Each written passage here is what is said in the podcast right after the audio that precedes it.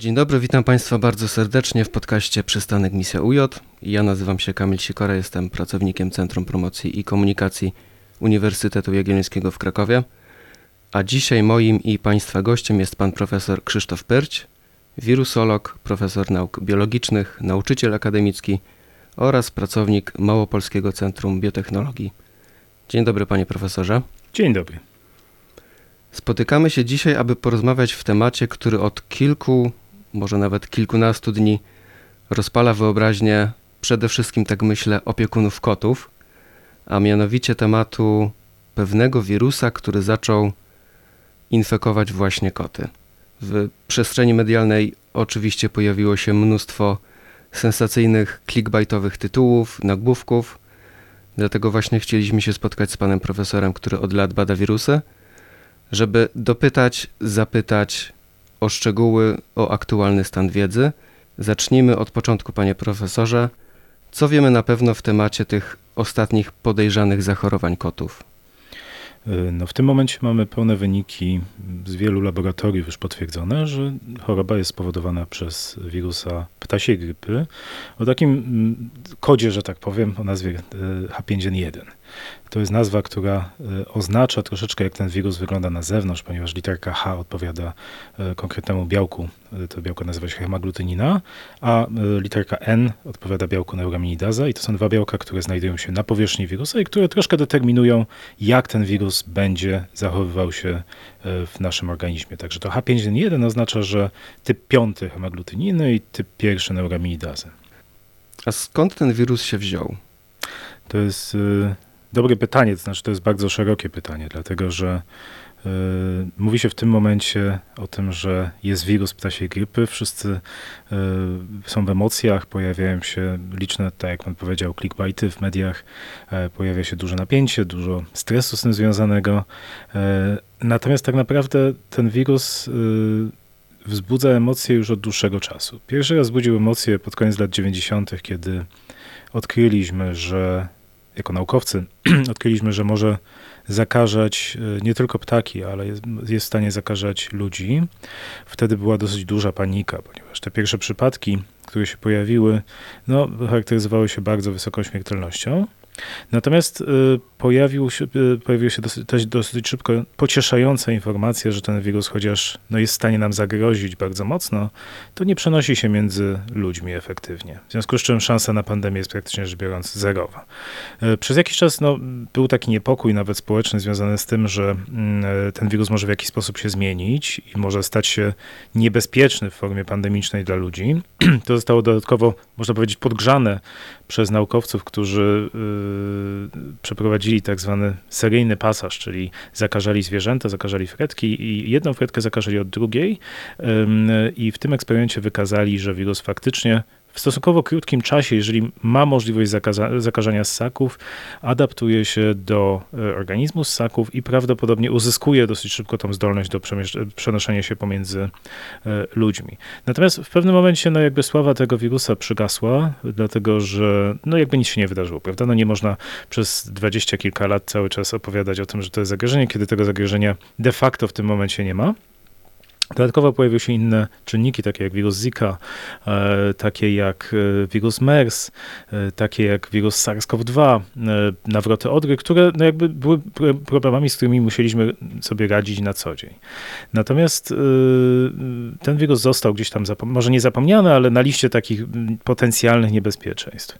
I tak by było do tej pory, gdyby nie to, że w, pod koniec 2020 pierwszego roku coś się zmieniło. Ten wirus y, wymieszał się troszeczkę z innym wirusem, również grypy, y, i uzyskał zdolność do lepszego rozprzestrzeniania się pomiędzy ptakami. Nie pomiędzy ssakami, tylko pomiędzy ptakami. E, I to spowodowało, że wirus, który do tej pory był dla nas bardzo niebezpieczny, nie przenosił się między ludźmi, więc nie stanowił ryzyka pandemicznego, ale jednocześnie występował na stosunkowo niewielkim obszarze świata, e, zaczął rozprzestrzeniać się po całym świecie.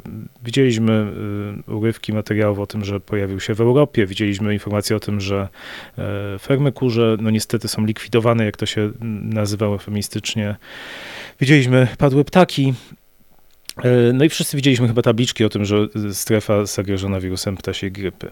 E, to spowodowało, że e, no to zagrożenie związane z wirusem ptasiej grypy H5N1 nie tyle zwiększyło się, jeżeli chodzi o ryzyko, jeżeli się zakaży, zakazimy, natomiast e, zwiększyła się szansa, że trafimy na ptaka, który jest e, zakażony. I w tym momencie, jeżeli trafimy na takiego ptaka, to to ryzyko zakażenia człowieka już jest e, większe. No jest dalej nie, nie aż tak wysokie, ale dalej, ale, ale jest większe.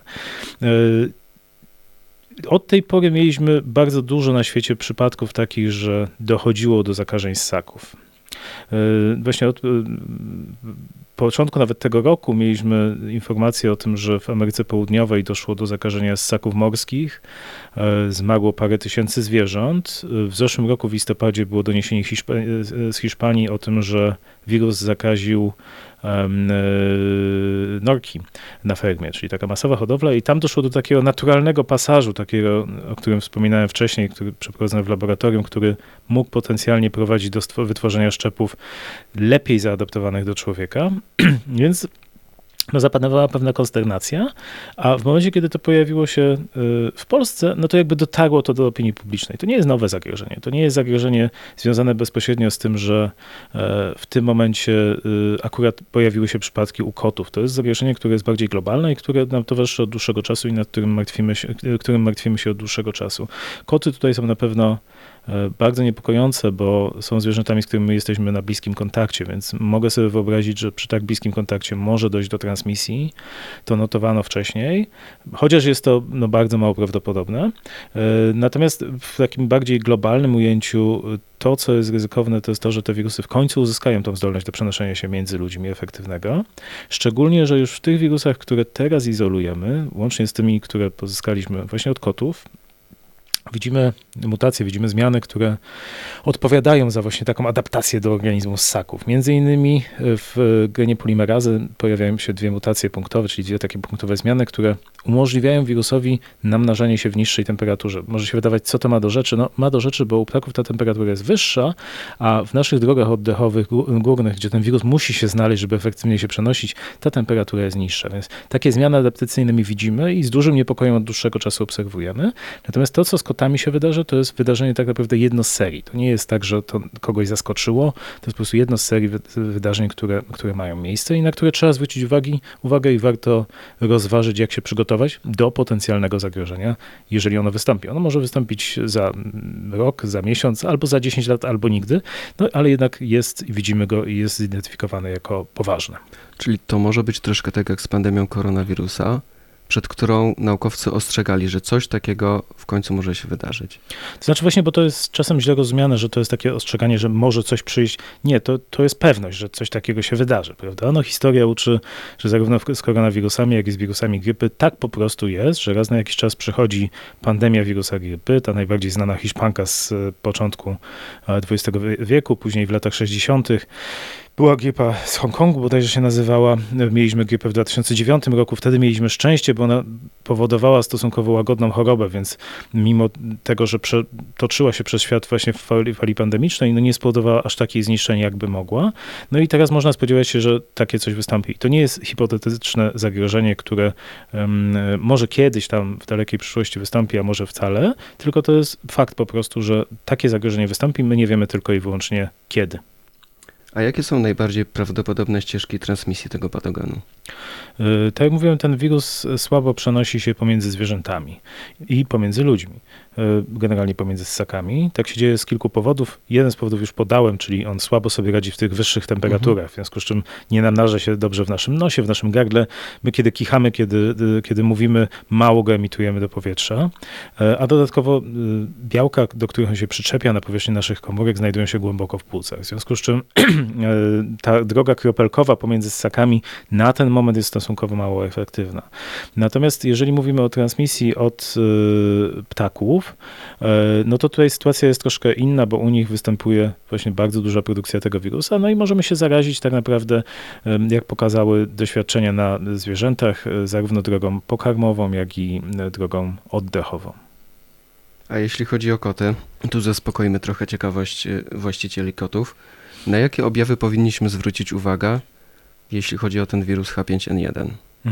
Znaczy, no tu jest znowu ten sam problem, że choroby wirusowe, szczególnie w tej pierwszej fazie, dają po prostu złe samopoczucie, więc e, ja bym tutaj, tak zawsze, tak samo jak przy ludziach, nie y, kombinował, tylko bym, jeżeli ma, coś nas niepokoi, to zwróciłbym się do lekarza weterynarii, żeby on ocenił sytuację. Tak jak pan profesor mówił wcześniej, rozumiemy, że na tę chwilę transmisja wirusu do innych gatunków ssaków jest może nie tyle niemożliwa, co mało prawdopodobna? Tak, to ryzyko jest niewielkie. Koleżanek To ryzyko nie jest zerowe, psów. to muszę Mhm. uczciwie powiedzieć, że nie jest zerowe, ale nie jest również wysokie. A jakie są możliwe działania zapobiegawcze na przyszłość? No tutaj chyba najważniejsze jest to, żebyśmy doskonale poznali, jak do tego dochodzi, że te ssaki się zakażają. No bo zawsze musi być jakiś kontakt, prawda? W przypadku kotów wiemy, że dotyczy to zarówno kotów wychodzących, jak i wychodzących, w związku z czym to musi być coś, co my przynosimy w jakiś sposób do domu. No i tutaj kluczowa jest identyfikacja, żeby znaleźć, co to jest i w ten sposób przeciąć tą ścieżkę transmisji i po prostu to ryzyko wyeliminować, bo możemy teraz mówić o lekach, o szczepionkach i tak dalej, ale to jest tak naprawdę e, odległa gdzieś przyszłość, jeżeli ona nastąpi, a mamy narzędzia tu i teraz, żeby takie działania podjąć i wyeliminować zagrożenie. A czy w Małopolskim Centrum Biotechnologii Państwo zajmujecie się już tym tematem? Tak, to znaczy my się zajmujemy, w, my jesteśmy e, częścią takiego projektu europejskiego Durable. To jest projekt, który został e, stworzony, jest finansowany przez e, HERA, to jest taki urząd Komisji Europejskiej, który powstał w odpowiedzi na COVID, żeby zapobiec, zapobiegać zagrożeniom biologicznym w Europie. I ten projekt Durable zrzesza tak naprawdę zespoły naukowe, tutaj nie diagnostyczne, tylko stricte naukowe, które e, mają właśnie być taką frontową linią i udzielać takich podstawowych odpo- odpowiedzi na, badania, na pytania podstawowe dotyczące właśnie zagrożeń, dotyczące wirusów. I również w tym temacie troszkę działamy na zasadzie y, bardziej lokalnej identyfikacji, oceny zagrożenia i też w ramach tej sieci współpracy przekazywania informacji, jak duże zagrożenie to stanowi, no bo oszukujmy się, wirusy nie znają granic. My możemy mówić o y, krajach, narodach, granicach, ale dla wirusów to nie ma znaczenia. Widzieliśmy, jak to wygląda trzy lata temu. Ostatnie pytanie, tak żebyśmy uspokoili emocje osób, które słuchają tego podcastu. Czy powinniśmy się martwić, czy na razie powinniśmy spokojnie obserwować sytuację i słuchać głosów naukowców? Mhm.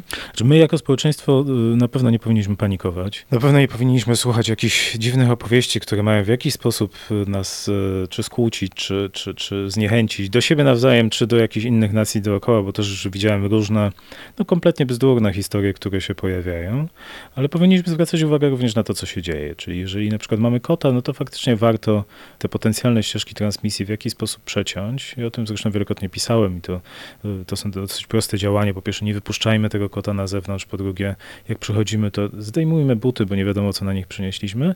I również y, no, zrezygnujmy jak na razie z surowego mięsa, ponieważ ono również może być y, źródłem zakażenia. Dziękuję bardzo za rozmowę. Moim i Państwa gościem był pan profesor Krzysztof Perć z Małopolskiego Centrum Biotechnologii. Pozwolę sobie na małą autoreklamę. Bardzo polecam obserwować pana profesora konta na Facebooku, na Twitterze, gdzie regularnie pan profesor publikuje informacje dotyczące nie tylko wirusa H5N1, ale też innych badań i ich wyników prowadzonych przez Małopolskie Centrum Biotechnologii. Bardzo dziękuję. Dziękuję bardzo za rozmowę.